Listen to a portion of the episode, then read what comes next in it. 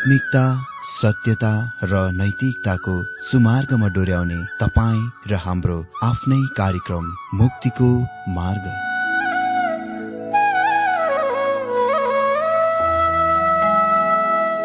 आदरणीय श्रोता यस मुक्तिको मार्ग कार्यक्रममा हार्दिक स्वागत छ।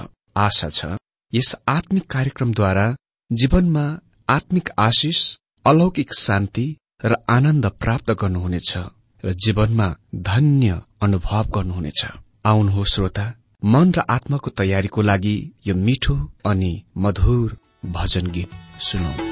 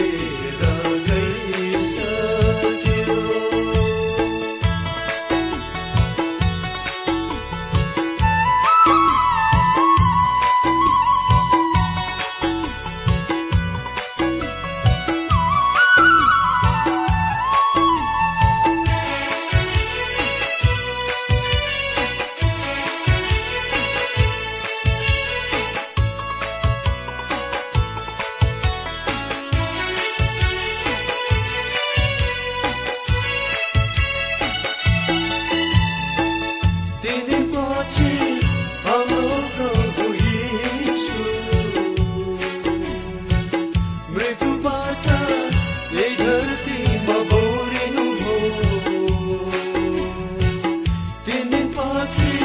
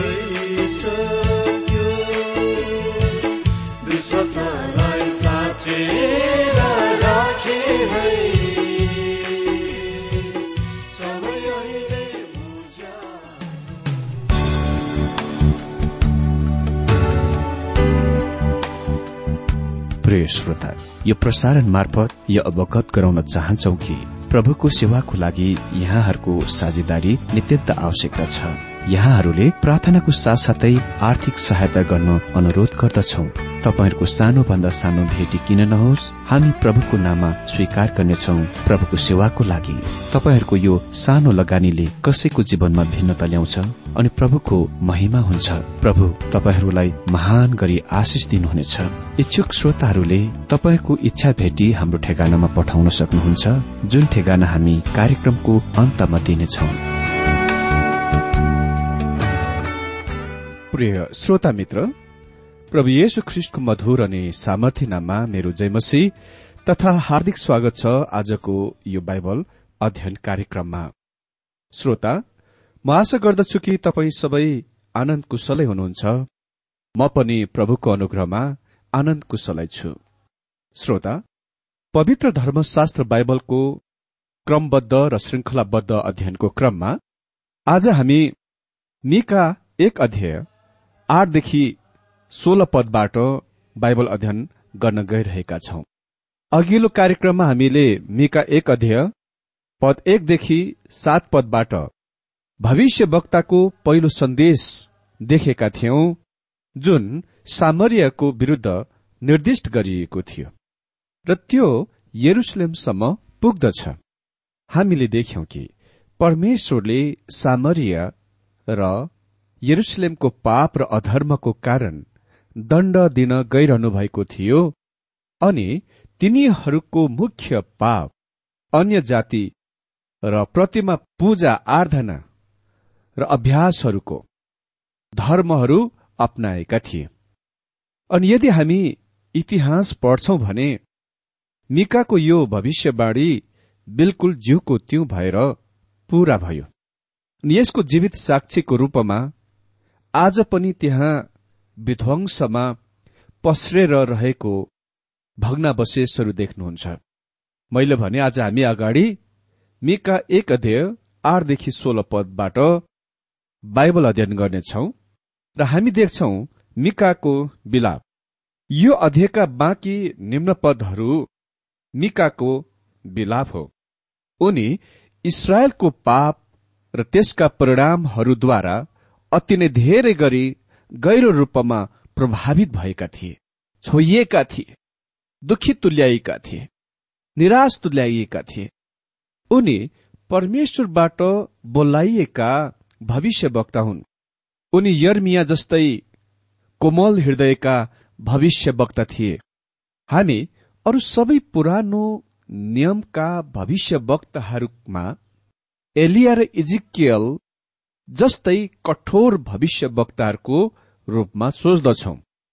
तपाईँलाई यादै होला जब परमेश्वरले इजिकियरलाई सेवामा बोलाउनुभयो उहाँले उसलाई चेतावनी दिनुभयो कि उहाँले उसलाई कठोर मानिसहरू कहाँ पठाइरहनु भएको थियो। तर उहाँले भन्नुभयो म तिनीहरूलाई भन्दा तँलाई धेरै कठोर बनाइदिनेछु। त्यहाँ कठोर दिलका हृदयका भविष्य वक्ताहरूको लागि आवश्यकता थियो र ती मानिसहरूले परमेश्वरको सन्देश सिधै दिँदथे सिधै बोल्दथे। तर परमेश्वरका भविष्य वक्ताहरू कोमल दिलका थिए र मिका तिनीहरूमध्ये एक थिए। उसको कुरालाई सुन्नुहोस्। मिका एक अध्ययको आठ पदमा भनिएको छ यसै कारण म रुँदै बिलाप गर्नेछु म खाली खुट्टाले र नाङ्ग हिँड्नेछु म स्याल झै कराउनेछु र लाटको सेरो झै बिलाप गर्नेछु। यहाँ भन्छन् म लुगा फुकालेर नाङ्ग हिँड्नेछु।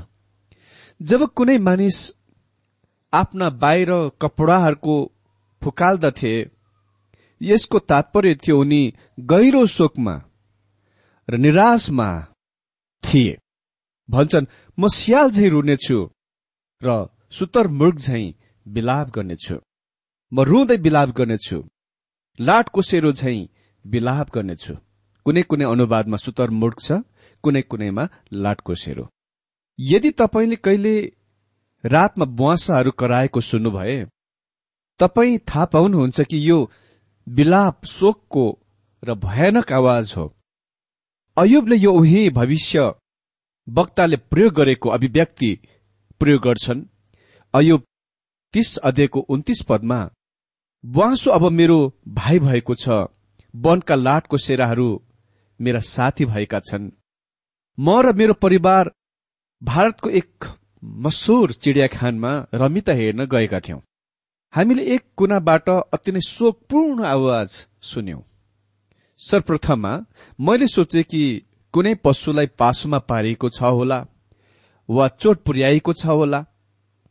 जब हामीले चारैतिर जन्तुहरू जनावरहरू हेर्दै अगाडि निरन्तर बढ्ने क्रममा हामीले एक मानिसलाई भेट्यौं।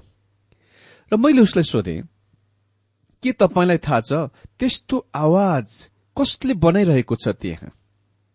उसले उत्तर दियो यो सुतरमुर्ग सुतरमुर्ग हो। मैले सोचे कि त्यस मानिसले मसँग मजाक गरिरहेका थिए। मैले उसलाई त्यस जानकारीको निम्ति धन्यवाद पनि दिइन किनभने मैले सोचे कि उसले दिल्लगी गरिरहेका थिए ठट्टा गरिरहेका थिए। तर एक बाटो काटेपछि हामीले ती चराहरू राख्ने स्थानमा पुग्यौं र त्यहाँ त्यो चरा उभिरहेको थियो चारैतिर हेर्दै मैले तिनीहरूको विलाप र शोकको लागि कुनै कारण देखिन। तर तिनीहरूले अति नै धेरै दयनीय शोकपूर्ण आवाज निकालिरहेका थिए जस्तो कि मैले कहिले पनि सुनेको थिइन। मिकाले भने उनी के? लाटको सेरो झैं वा सुतर मुर्गहरू झैं विलाप गर्नेछन्। उनी लुगा फुकालेर नाङ्गा हिँड्नेछन्। अर्को शब्दमा यस मानिसले दिइरहेको सन्देशले उसलाई स्वयंलाई असर गरिरहेको थियो छुइरहेको थियो स्पर्श गरिरहेको थियो जस्तो कि यर्मियाले दिएको सन्देश आफै स्वयंलाई असर गरिरहेको थियो। यो त्यस प्रकारको मानिसको एक उदाहरण हो जसलाई परमेश्वर कठोर सन्देश दिन लगाउनुहुन्छ। यदि सन्देश कठोर खालको छ भने कोमल हृदयका मानिस हुनै पर्छ। किन? किनभने परमेश्वरले मानिसलाई दण्ड दिनभन्दा पहिले उहाँ तिनीहरूले यो कुरा थाहा पाएको चाहनुहुन्छ कि उहाँ कस्तो महसुस आभास गर्नुहुन्छ फिल गर्नुहुन्छ। त्यसकारण उहाँले रुन्चे यर्मिया भविष्य वक्तालाई त्यसपछि रुन्चे मिका भविष्य वक्तालाई पठाउनुभयो। जब मानिसले उसको सन्देश सुन्छन् त्यसपछि उसको विलापलाई र शोकलाई तिनीहरूले बुझ्नेछन् कि परमेश्वर तिनीहरूका पापको बारेमा के कस्तो महसुस गर्नुहुन्छ फिल गर्नुहुन्छ? परमेश्वर प्रतिशोधी हुनुहुन्न बदला लिने हुनुहुन्न। यद्यपि उहाँ दण्डमा कुनै आनन्द खुसी नगर्नु भए तापनि उहाँले पापको दण्ड दिनै पर्छ। उहाँ परमेश्वर हुनुहुन्न थियो। यदि उहाँले आफ्ना सृष्टिहरूलाई उचित इन्साफ र न्याय नगर्नु भए। जब खराब दुष्ट भ्रष्ट काम गरिन्छ र पापहरू गरिन्छ परमेश्वर दण्डमा चाल लिनुहुनेछ। हुन सक्छ। उहाँले यसको निम्ति तत्काल व्यवहार नगर्नुहोला। केही समय लाग्ला तर जब उहाँ दण्डमा चाल चल्नुहुन्छ कुनै कुराले पनि उहाँलाई रोक्न सक्दैन र उहाँ निश्चय नै त्यससँग व्यवहार गर्नुहुन्छ।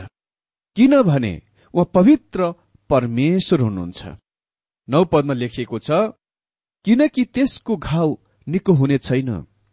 त्यो यहुदासम्म आएको छ। त्यो मेरो प्रजाको ढोकासम्म पुगेको छ। अर्थात् यरुसलेमसम्म पुगेको छ। त्यो घाउ कहिले निको हुने छैन। अदृश्य लाइन वा रेखा पार गरिसकेको थियो जुनबाट फर्किआउने त्यहाँ कुनै सम्भावना थिएन। हजुर मलाई थाहा छैन कहाँ त्यो लाइन छ त्यो रेखा छ तर मलाई निश्चय छ कि त्यो रेखा त्यो लाइन छ अस्तित्वमा छ। जब कुनै व्यक्ति विशेष र राष्ट्रले त्यस रेखालाई पार गर्दछ सीमालाई पार गर्दछ सुधार वा पुनः प्राप्तिको सम्भावना हुँदैन। यो यस कारणले होइन किनभने परमेश्वर कृपालु र अनुग्रही हुनुहुन्न। अह तर व्यक्ति विशेष वा राष्ट्र पापमा यति धेरै झुकेका छन् कि त्यहाँ दण्ड सिवाय अर्को कुनै र केही पनि बाँकी विकल्प छोडिएको छैन। भनिएको छ घाउ कहिले निको हुने छैन। तिनीहरूले कति पनि परमेश्वरको वचन सुन्ने छैनन्। कहिलेकाहीँ मलाई यो कुरा सोचेर व्याकुल गराउँदछ कि हाम्रा मण्डलीका धेरै विश्वासीहरू भनाउँदाहरू त्यस लाइन वा सीमा रेखा पार गरिरहेका त छैनन्। किनकि तिनीहरू परमेश्वरको वचन र आवाजको सुनिरहेका छैनन् र यसको सुन्न पनि चाहँदैनन्। हजुर प्रायजसो सबै विश्वासी हुँ भनी दावी गर्नेहरूले वचनको ग्रहण गरिरहेको जस्तो त देखिन्दछ। तर के यो गम्भीरतापूर्वक ग्रहण गरिँदैछ त? के तिनीहरू वास्तवमा परमेश्वरको वचन सुनिरहेका छन्? साथै परमेश्वरको वचनप्रति आज्ञाकारी बनिरहेका छन्? मैले त्यस्ता धेरै मानिसहरू जान्दछु जो पापमा रहिरहेका छन् र त्यसको कहिले पनि प्रस्ताव गरेनन्। तापनि तिनीहरू परमेश्वर र परमेश्वरको वचनलाई प्रेम गर्दछौ भन्ने कुरा गर्दछन्। के यो सम्भव छ कि तिनीहरूले त्यो अदृश्य रेखा वा लाइनको पार गरेका छन् र तिनीहरूको निम्ति दण्ड सिवाय केही पनि छोडेको छैन? लेखेको छ नौ पदमा किनकि त्यसको घाउ निको हुने छैन त्यो यहुदासम्म आएको छ। त्यो मेरो प्रजाको ढोकासम्म पुगेको छ त्यो मेरो प्रजाको ढोकासम्म पुगेको छ अर्थात् सम्मै पुगेको छ। सेनहेरिपको नेतृत्व मुनि असुरी आर्मीहरू उत्तरबाट आए र तिनीहरू उत्तरी राज्य इस्रायलसम्म झरिआए र तिनीहरू दक्षिणमा यरुसलेमको पर्खालसम्म आइपुगे। अब तिनीहरूले सहरलाई लिन कब्जा गर्न गइरहेका थिए भन्ने सोचेर राजा हिचकिया डराए। परमेश्वरले यसैयालाई राजालाई यो भन्न निर्देश दिए यरुसलेमको आक्रमण गरिने छैन तर त्यो तिनीहरूको निम्ति चेतना वा चेतावनी थियो वार्निङ थियो। हजुर यहुदाले केही समयसम्म त्यस चेतावनीको सुने तर केही समयपछि तिनीहरू आफ्नो प्रतिमा पूजा मूर्ति पूजातिर र आफ्ना पापतिर फर्किए। त्यो दिन आयो। परमेश्वरले यहुदालाई पनि दण्ड दिनु परेको थियो जस्तो कि उहाँले इसरायललाई दण्ड दिनुभएको थियो। अहिले हामीलाई विभिन्न क्रमशः दश सहरीय केन्द्रहरूको मामलाहरूको दिइएका छन् जुन सामरिया र यरुसलेमद्वारा प्रभावित गरिएका थिए असर गरिएका थिए। यी सबै स्थानहरूका नाम नक्सामा छैनन् तर सूची उत्तरमा सामर्यसँग शुरू हुन्छ र दक्षिण यरुसलेमतिर बढ्दै हुँदै र यरुसलेमदेखि अझ पर बढ्दछ। यी सहरका नामहरूको अर्थले शब्द क्रीडाको प्रकट गर्दछ। शब्दसँग खेल्ने। दश पदमा लेखिएको छ दश पदमा गातमा यो नसुनाऊ रुँदै नरौ बेत ओप्रामा धुलोमा लुटपुट गर। गातमा यो नसुनाऊ गात नामको अर्थ हो रुने सहर परमेश्वर भनिरहनु भएको छ रुने सहरमा नरौ। गात इसरायलको नित्य सधैँको शत्रु फलिस्तिनको हो। र उसले भनिरहेका छन् यो तिनीहरूलाई यो थाहा नगरौ कि दण्ड तिनीहरूमाथि आइरहेको छ। अनि बेत लाप्रामा धुलोमा लडी बढी नगर। बेत लाप्राको अर्थ हो धुलोको सहर। केसमा वा शिरमा धुलो लगाउनु हाल्नु अति नै गहिरो सोको संकेत थियो। यो सहरको श्रेत स्थान क्षेत्र निर्धारण अज्ञात छ। थाहा छैन। तर यसको विचार यस्तो देखिन्दछ कि मानिसहरू आफ्नै क्षेत्रहरूमा वा स्थानहरूमा विलाप गर्ने थिए। अनि एघार पद ए सफिरमा बस्नेहरू हो नाङ्गा र लज्जित भएर निस्किजाओ सनाममा बस्नेहरू बाहिर आउने छैनन्। बेत एजेल शोक गर्दैछ। त्यसको रक्षा गर्ने ठाउँ तिमीहरूबाट लगिएको छ।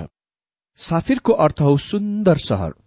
मित्र मलाई विश्वास गर्नुहोस् त्यहाँका बासिन्दाहरू निस्कि गए र विलुप्त भए र त्यस सहरको निश्चित क्षेत्र पूर्ण रूपमा अज्ञात छ। सुन्दर सहर कति पनि सुन्दर रहेन बरु नाङ्गो र लज्जित। सनानका निवासीहरू बाहिर ननिस्क। सनानको मतलब वृद्धि बढ्ने प्रगतिको सहर हो। बढ्ने सहर कति पनि बढेन। यो सहरको क्षेत्र स्थान पनि अज्ञात छ। अनि बाह्र पदमा लेखिएको छ मारतमा बस्नेहरू दुखाइले छटपटाइरहनेछन् किनभने यरुसलेमको मूल ढोका समय परमप्रभुबाट विपत्ति आएको छ। मारतका बासिन्दाहरू उत्सुकतासित कुशलको बाटो हेर्दछन्। मारत नामको अर्थ हो कड़वाहट तितो। तिनीहरूले असल रिपोर्टको लागि पर्खे असल खबरहरूको सन्देशको लागि प्रतीक्षा गरे तर यो कड़वाहट तितो रिपोर्ट थियो। किनभने यरुसलेमको मूल ढोका समय परम प्रभुको तर्फबाट विपत्ति आएको छ। असुरीहरू यरुसलेमको पर्खालहरूसम्मै बढेर आइसकेका थिए। अनि तेह्र पदमा लेखिएको छ हे लाकिसमा बस्नेहरू हो घोडाको दल रथमा कस। सियोनकी छोरीको निम्ति पापको सुरु तिमीहरू नै थियो किनकि इसरायलका अपराधहरू तिमीहरूमा नै भेटाइए लाकिस घोडाको सहर थियो। त्यहाँ घोडाहरूका महान घोडा घरहरू थिए। यो यरुसलेमको दक्षिणी पश्चिममा पर्ने सहर हो जुन फिलिस्तिन मुलुकको नजिक स्थित थियो। त्यो स्थान जहाँ प्रतिमा पूजा सर्वप्रथममा दक्षिणी यहुदाको राज्यमा परिचय गराइएको थियो। वास्तवमा लाकिस यहुदा र इसरायल बीच प्रतिमा पूजाको लिङ्क थियो जोड्ने स्थान थियो। परमेश्वरले लाकिसलाई निन्दा गरिरहनु भएको छ किनभने त्यसले प्रतिमा पूजा दक्षिणी राज्य यहुदामा परिचय गरायो। अनि चौध पद यसकारण मोर्सेद गातलाई विदाका उपहारहरू तिमीहरूले दिनेछौ। अक्जिबको नगर इसरायलका राजाहरूलाई धोका दिने प्रमाणित हुनेछन्। मोरेसात गात निश्चय नै मिकाको गाउँ थियो यो दक्षिणी राज्य यहुदामा पर्दथ्यो। अक्जिबका घरानाहरू इसरायलका राजाहरूको निम्ति धोका दिने हुनेछन्। अक्जिबको अर्थ हो धोका दिने झुट बोल्ने सहर। त्यहाँका बासिन्दाहरू सबै धोकेबाज र झुटहरू थिए। अक्जिब हिब्रू शब्द हो जुनको अर्थ हो साना सुक्खा हिउँदे खोला वा झुट। यसको लागि कारण यो इसरायलका साना सुक्के हिउँदे खोलाहरू हाम्रा मुलुकका सुक्के हिउँदे खहरे खोलाहरू जस्तै हुन्। त्यो हिउँदमा र गर्मीमा र सुक्खा समयमा चाहिँ पानी रहित हुन्छ। तर वर्षा हुँदा चाहिँ त्यो खोलाहरूले समुद्रकै रूप लिन्छन् धोकेबाज हुन्छन्। इसरायलमा त्यस्ता धेरै सुखे नदीहरू छन् तर वर्ष हुँदा चाहिँ ती सुखे नदीहरू अति नै भयंकरको रूप लिन्छन्। अहिले तपाईँ देख्न सक्नुहुन्छ कि अक्जिबको अर्थ किन हिउँदे खोला वा झुट हो त? अक्जिबको सहर धोक्का झुटको सहर थियो किनभने तिनीहरूले उत्तरी राजा इसरायललाई सहायता गर्न प्रतिज्ञा गरे तर वास्तवमा तिनीहरूले कति पनि सहायता गरेनन्।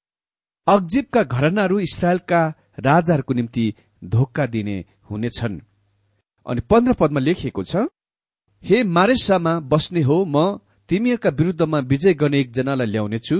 तिनी जो इसरायलको महिमा हुन् अब्दुल्लाममा आउनेछन्। यहाँ यस पदले यो राय दिन्छ कि सहायता इसरायल कहाँ आइरहेको छ। तर यस समयमा चाहिँ होइन। यस पदमा उल्लेखित विजय गर्ने व्यक्ति र इसरायलको महिमा ल्याउने व्यक्ति निश्चय नै दाउदको लाइनको प्रभु येशु ख्रिस्ट हुनुहुन्छ जसको लागि मात्र यो वर्णन बिल्कुल फिट हुन्छ। उहाँको एक नाम हो विश्वासयोग्य। उहाँ विश्वासयोग्य र सत्य हुनुहुन्छ र उहाँ तिनीहरूलाई छुटकारा दिन आइरहनु भएको छ। उहाँ धोका दिने झुट बोल्ने सहरबाट आउनुहुने छैन। तर मिकाको दिनमा इसरायललाई धोका दिइयो। र तिनीहरूका कुनै पनि र कति पनि सहायता आएन। जब असुरी आर्मीहरू सेनाहरू उत्तरबाट आए र तिनीहरूका मुलुकमाथि आक्रमण गरे अहिले मिकाले राष्ट्रको रूपमा इसरायललाई विलाप गर्न आग्रह गर्दछन्। सोह्र पदमा भनिएको छ आफ्ना प्यारा बालकहरूको निम्ति तिमीहरूको केस शोकमा मुण्डन गर। सबै कपाल मुडाएर गिद्धको झै बनाऊ किनकि तिमीहरूका बालकहरू तिमीहरूबाट निर्वासनमा लगिनेछन्। जब असुरीहरूले सर्वप्रथम इसरायललाई आक्रमण गर्यो। तिनीहरूले जवान मानिसहरूलाई बन्दुवामा लगे र त्यसको कारण मानिसहरूलाई विलाप गर्न बोलाइएका छन्। तिनीहरू आफैलाई खुइले बनाउने मुण्डुले बनाउने काम चाहिँ सोको संकेत थियो। यद्यपि मोसाको व्यवस्थामा तिनीहरूलाई आफ्ना दारी नकाट्न र नखौरिन भने तापनि अहिले पापको राष्ट्रमा आएको कारणले गर्दा तिनीहरूलाई यस तरिकामा आफ्ना शोकहरू व्यक्त गर्न भनिएको छ। यसैया जो मिकाको समकालिक थिए यो रीति प्रथाको बारेमा भन्ने केही कुरा थियो। यसैया देखको दुई पदमा हामी पढ्छौं रुनलाई दिवनको छोरी अग्ला ठाउँहरूमा उक्लिन्। नबो र मेदबाका निम्ति मुआब डाको छोडी छोडी रुन्छे। तिनीहरूका दारी खौरिएका छन्। यो पदले गहिरो विलाप र शोकको वर्णन गर्दछन्। तिनीहरूले आफ्ना बच्चाहरूलाई गुमाएथे यो तिनीहरूमाथि परमेश्वरको दण्ड हो।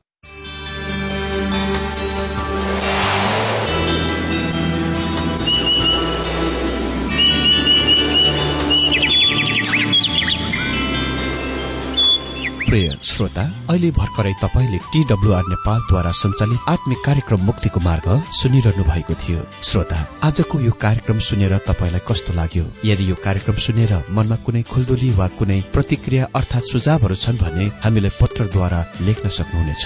हामी हृदयदेखि नै स्वागत गर्नेछौ स्वीकार गर्नेछौ साथै बाइबल सम्बन्धित प्रचारहरू कार्यक्रम सारणीहरू हामी अनुरोधमा पठाउन सक्छौ। अनि तपाईँसँग कुनै प्रार्थनाको विषय छन् भने हामीले तपाईँको लागि प्रार्थना गरेको चाहनुहुन्छ। भने प्रभुमा आफ्नै परिवार सम्झेर हामीलाई पत्रमा लेख्न सक्नुहुनेछ।